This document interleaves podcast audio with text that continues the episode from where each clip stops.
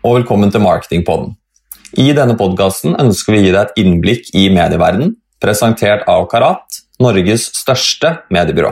Hei og velkommen til ny episode av Marketingpodden. Jeg, Mats Stangeby, sitter her ikke som vanlig, helt alene, uten Simen Smedsberg Kneppe i dag. Han er dessverre syk, men ikke noe mer alvorlig enn at eh, han er tilbake neste gang. Men jeg har jo fått inn en gjest, og det er i dag Christian Fure, som har lang fartstid i Dentsu-systemet. Eh, velkommen, hyggelig å se deg igjen, Christian. Takk i like måte. Håper alt står vel til i Pilestredet. Det gjør det. Eh, du kan jo kanskje fortelle litt selv om hvem du er, og, hva du driver med i dag? Jo, jeg, eh, som du sa, har lang fartstid i Dentsu. Jeg vokste opp i mediebyrået Vision. Eh, så var jeg litt rundt omkring i, sentralt i Dentsu og var med å bygge opp ja, en sentralisering av digitale medier. Og så tok jeg over iProspect Eh, som daglig leder der. Eh, som jeg gjorde helt til eh, februar 2020. Og da tok jeg på meg oppgaven med å hva skal si, reetablere Natt og Dag. som er, en, er en, et gammelt magasin, gateavis, som har holdt på i over 30 år i Norge. Mm. Mm. Det er jo rett før pandemien eh, traff oss. Eh, så det er jo en, eh, et spørsmål som sikkert mange lurer på. Vi har jo snakka med mange forskjellige typer bransjer og kunder og det som er, om hvordan pandemien har rammet de, men vi har vel aldri spurt noen i magasinbransjen, hvis man skal kalle det det. Hvordan har pandemien rammet natt og dag? Nei, øh, det har vært øh, tøft. og øh, Natt og Dag har jo i, siden 1988 eh, egentlig hatt én liksom, primær eh, inntektsmodell, og det har jo vært avisannonser. Eh, og når jeg var ung, eller yngre i hvert fall, og i målgruppa sjøl, så var det de store merkevarene som var i Natt og Dag.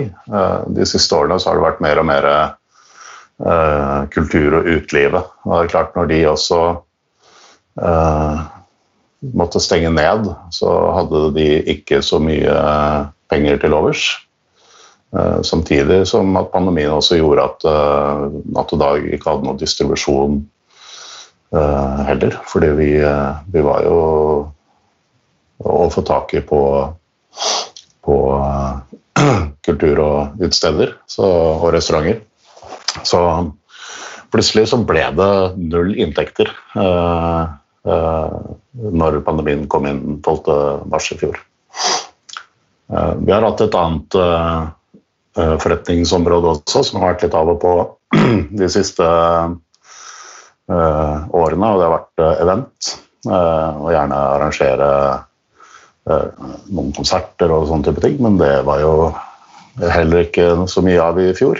Så Eh, vi sto dagen etterpå med null inntekter, så vi måtte kaste oss eh, rundt og egentlig skape helt nye forretningsområder. Det har jeg ikke gjort over natta. Eh, og det er en relativt liten organisasjon, så det er, var krevende. Men vi holdt oss flytende gjennom våren og sommeren. Vi produserte mer på nett. Vi levde av noen eventtyper som var mulig å gjennomføre i fjor sommer. Uh, uh, noen DJ-konsepter på uteserveringer osv. Og så begynte vi å lage avis igjen når høsten kom. eller vil si august. og hadde var ute igjen i normaldrift fram til nedstenginga i november igjen. Da var det uh, igjen ikke mulig for oss å distribuere uh, avisa. Uh, det var ikke mulig å tjene penger på annonseinntekter tilstrekkelig. så der, der, er vi. Den avisa er på en lang ferie. og det er ikke gitt at den kommer tilbake igjen i den formen den en gang var. Mm. Det har vært uh, harde tak uh, for, uh, for, mange bransjer. Og dere er jo på en måte inne, innebefatta i mange av de bransjene som er hardest uh, ramma. Og for min del så kjente jo ikke jeg til Natt og Dag før jeg flytta til Oslo for ti år siden ca. Og da ble jeg kjent med Natt og Dag som egentlig et slags magasin for konserter, konsertanmeldelser musikk, festivaler, de tingene der er det jeg forbinder med Natt og Dag. Eh, så jeg tenkte kanskje du kan fortelle litt om hvem Natt og Dag er nå. Eh, hvem Natt og Dag var før, og hvem Natt og Dag ønsker å være i fremtiden. Ja, og det er jo et, et spennende spørsmål. For vi har ikke lyst til å endre hvem vi er eller har vært. Eh, men jeg kan starte med hva vi har vært gjennom 30 eh, år. Natt og dag skal være det redaksjonelle mediet. Eh, og redaksjonelt er et viktig mediesammenheng. Dvs. Si at vi ikke bare kan løfle ut med hva som helst og som en hvilken som helst influenser. Vi er nødt til å ha, ha sannhet i historien og, og behandle på, på redaksjonell måte. Men det vi har vært i, eh, i, alle disse årene, er jo at vi har dekket det som bobler under uh, overflaten i målgruppen uh, 20 til 35. det vi kaller folk som er mentalt i 20-åra. Og når vi sier det som bobler under overflaten, så er det ny musikk, det er ny kunst, det er ny litteratur. Det er nye mattrender, det kan være nye motetrender. Eh, men det kan også være politiske saker eh, som eh, skal se dagens lys og kommer til å prege fremtida til målgruppen. Det har vi jo vært da tradisjonelt gjennom primær liksom, Historiefortelleren er jo avisa, eller magasinet. Så har vi hatt en nettside hvor vi har uh, publisert en del av de sakene, så har vi hatt noen egne nettsaker. Uh, Framover så beveger vi oss fra å ha én deadline i måneden, nemlig avisdeadlinen på Månedsmagasinet, til å ha deadline hver dag. bruke mye mer video og lyd i tillegg til tekst og foto. Eh, for å kunne fortelle de samme historiene. Men det er jo et eh, komplekst bilde, eh, og det kommer ikke av seg selv å, å gjøre den endringen i en redaksjon. Og det kommer også med en regning å ha hva skal man si, kunne takle og engasjere med alle disse virkemidlene. Mm. mm. Ja, det er ingen tvil om at det er en uh, tøff endring, men uh, det høres ut som dere har fått vi vet jo at du kan mye om dette, og at dere har et godt lag. Så, så, så det blir spennende å se i fremtiden. Ja, det har vært en, unnskyld, Mats, det har vært en nødvendig endring også for Naturalism. For det, altså, det har ikke vært mulig å leve av papirannonser alene. Eh, og det markedet skal jo ikke opp igjen. Eh, og det har heller ikke vært mulig å engasjere bare i et magasin. Så du er jo nødt til å være oftere i eh, hverdagen til folk hvis du skal eh, kunne påvirke og kunne formidle på den måten vi ønsker å gjøre. Ja. Så en nødvendig endring som pandemien på en måte har akselerert. Men det hadde jo vært deilig å ha noen inntektsstrømmer for å hjelpe til å bygge de etasjene vi trenger å bygge. Ja, ja, som så mange andre Christian, så er det pandemien det mange trekker fram, er jo at det har vært løsninger som har ligget på bordet, som har blitt tvunget fram. Eh, og som har vist kanskje endringsvilligheten i, hos de fleste. Da. Eh, og det er jo en positiv ting. Så eh, det har vel kanskje dere også merka, at eh, når man må, så, så kan man. Absolutt. Ja. Mm. Eh, eh, videre så har jeg lyst til å flytte fokus litt, fordi eh, det vi egentlig skal snakke om i dag, er jo denne rapporten som dere har laget sammen med Opinion, som handler om den yngre målgruppen. Og det er jo en målgruppe som er litt vanskelig å få taket på for de fleste. De flytter seg raskt, de er litt overalt. og Og vi vet jo at hvis det er noen som er endringsvillig, så er det de, de unge. Eh, litt sånn i store trekk, hva har dere funnet ut om den yngre målgruppen?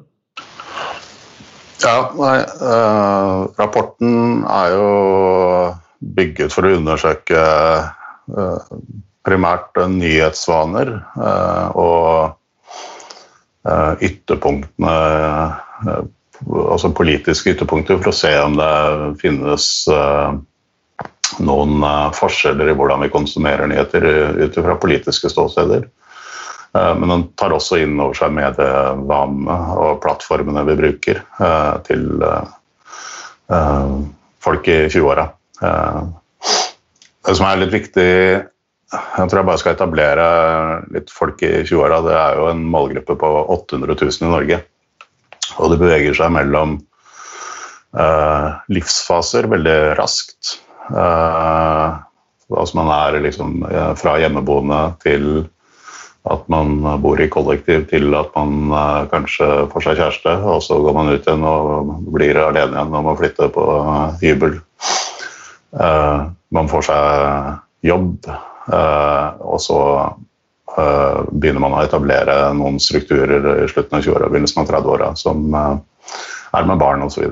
Uh, og det er en kaotisk målgruppe sånn, men det er jo ekstremt viktig kommersielt, fordi man tar med seg veldig mye av de vanene eh, som, som, man lefler med i 20-åra. Det blir jo med inn i de etablerte mønstrene senere i livet.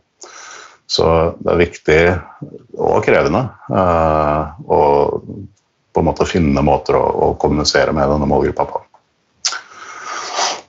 Eh, men det er, ja, det er krevende i og med at det er så man beveger seg gjennom veldig mange livsfaser på kort tid. Og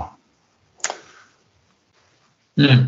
denne rapporten, uh, som var liksom hovedfunnet er her, uh, er jo at uh, medievanene våre er jo ikke så polariserende. Vi har ganske homogent mediebruk, til forskjell fra enkelte andre land. Eh, ikke nødvendigvis nordiske, eh, hvor, eh, men hvis vi tenker på USA, England osv., så, videre, så er det nok mye mer polariserende.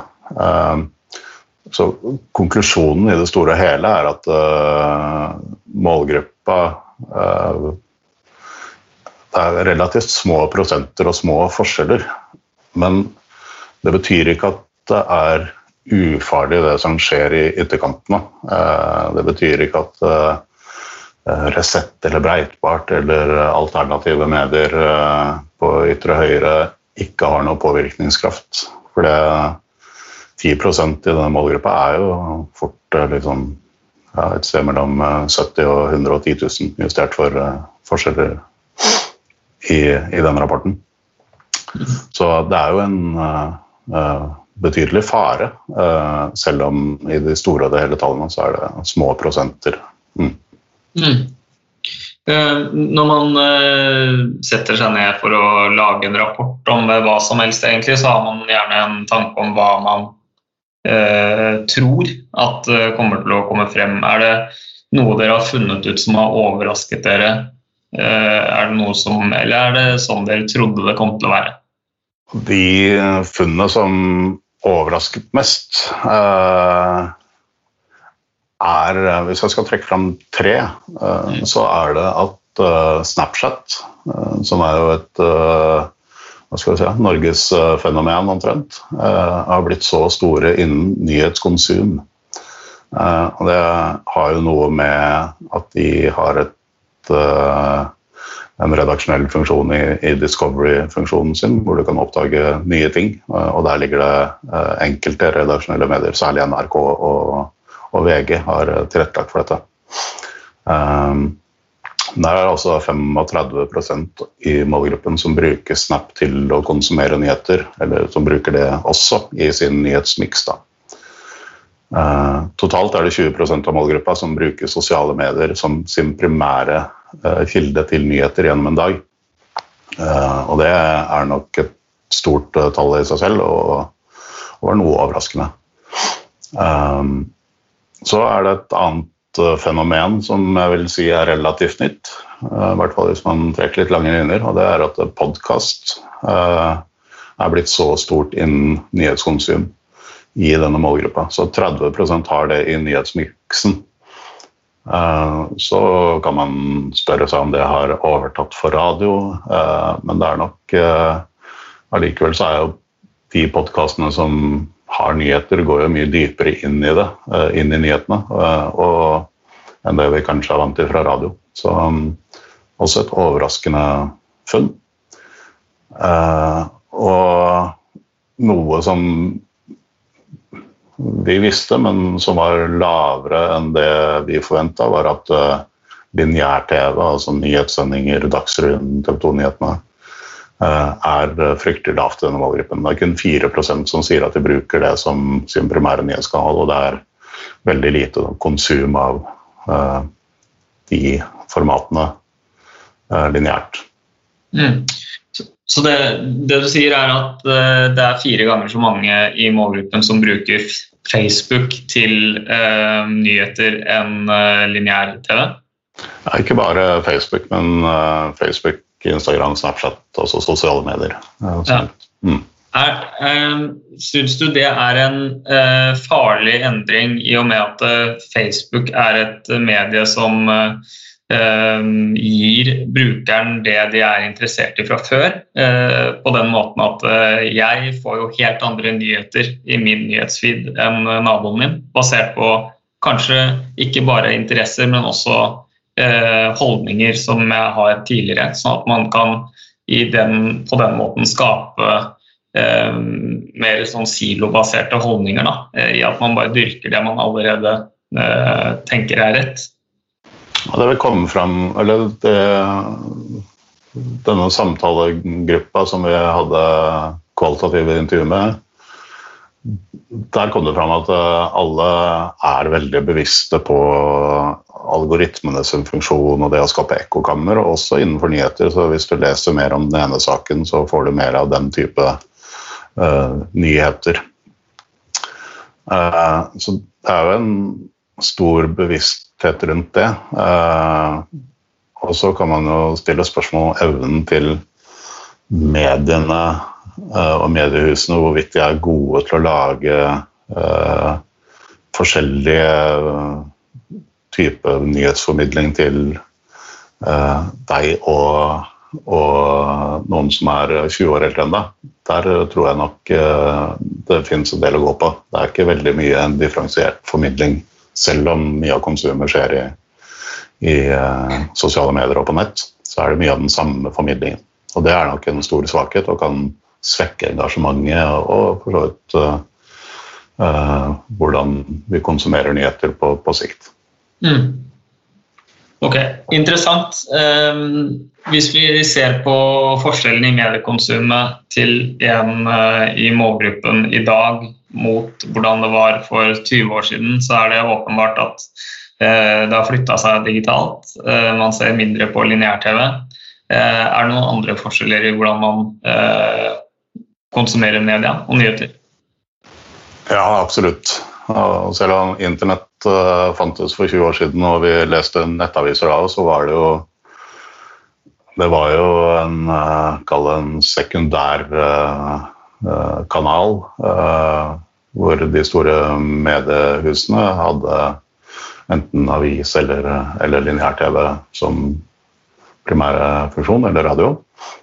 Um, så, men vi konsumerte nyheter digitalt før også. Og det var ofte kort Da var jo om å gjøre å være raskest mulig ute som var den store vinneren for å få side for å få trafikk og sidevisninger, sånn at man kunne selge reklame på. og den modellen eksisterer jo fortsatt, for de største i hvert fall. Den store endringen tror jeg har kommet med smarttelefonene. og internettkonsum eller nyhetskonsum på mobilen. Eh, også gjennom sosiale medier. Sosiale medier hadde jo ikke vært det samme hvis ikke det hadde vært for smarttelefonene og at vi kan bruke det hele tiden. Så For 20 år siden så var det nok eh, styrt mer av etablerte kanaler og mønstre og tidspunkter enn det vi eh, er i dag. Eh, og særlig nyheter. nå er det på en måte ferdig konsumert. Du har fått dine nyheter gjennom dagen hvis du er i 20-åra. så når ettermiddagen starter, da er det, da er det underholdning som gjelder. Mm. Og unge ser jo knapt nok på, på disse nyhetssendingene på TV ja, på kveldstid. Mm. Ok. Eh, litt avslutningsvis, Kristian, eh, så er det jo sånn at eh, man får nyheter eh, fra alle kanter nå. Eh, uansett eh, hvor man, om man sveiper høyre eller venstre, venstre, holdt jeg på å si. det man håper jo at det krever, eller at det gjør at man har en mer skepsis til hvor nyhetene kommer fra.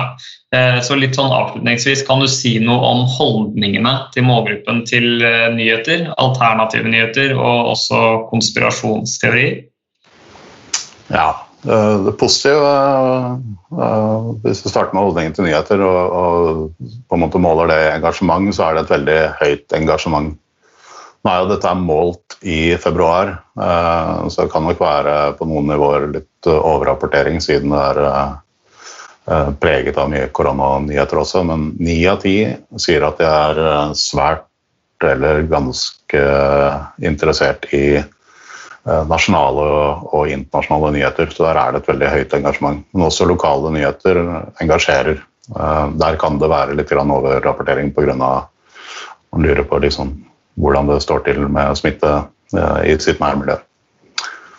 Eh, og så er det jo et spørsmål om vi greier å holde på det engasjementet. Eh, litt til det jeg sa tidligere med, i forhold til å formidle til denne målgruppa på en engasjerende måte på de kanalene de beveger seg.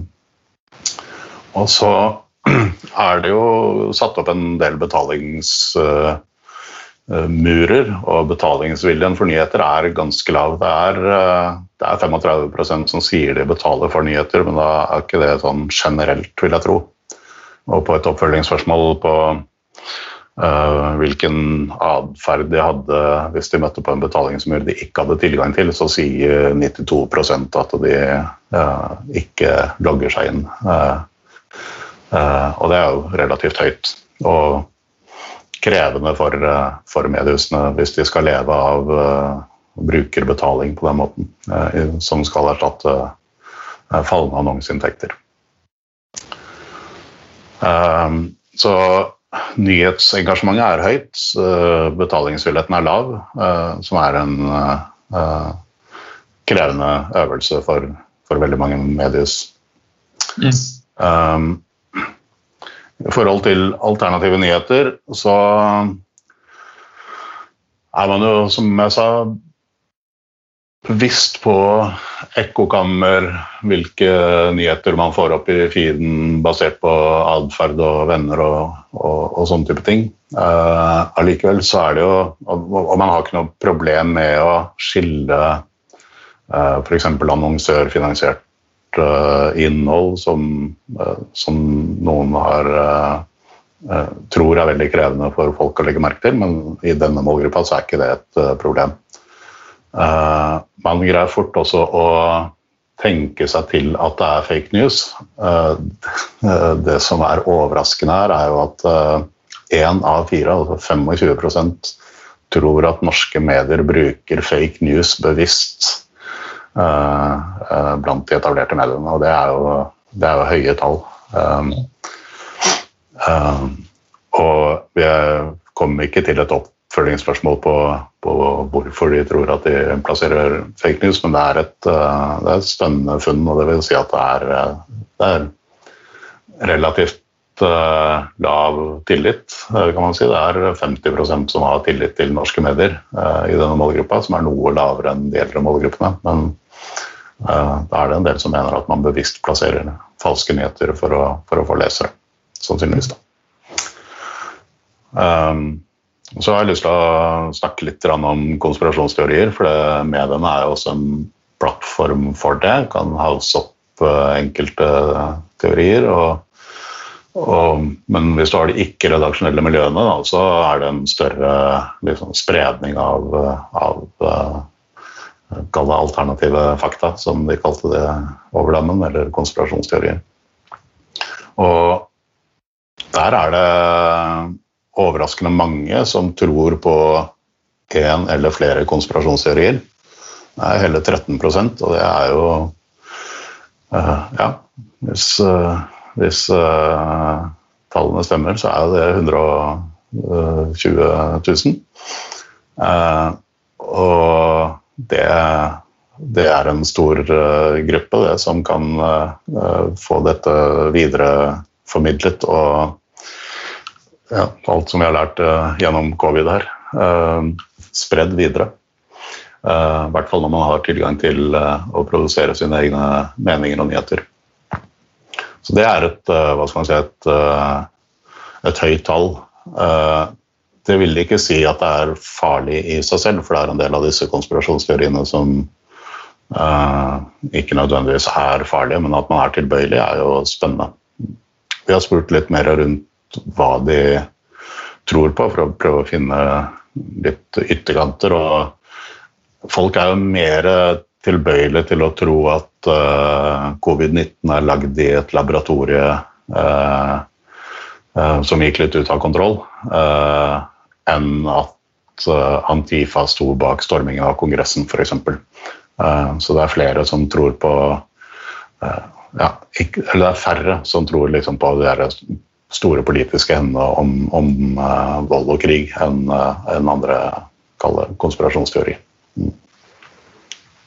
Det er, eh, det er, spennende funn, og det er jo litt som man har snakket om i, i mange sammenhenger, at forskjellen nå på tidligere på måten dette spres på, er jo at alle har jo en stemme i dag og kan ytre seg og kan få folk med Eh, på en annen måte enn det det gjorde tidligere, fordi verden er rett og slett blitt mye, mye mindre.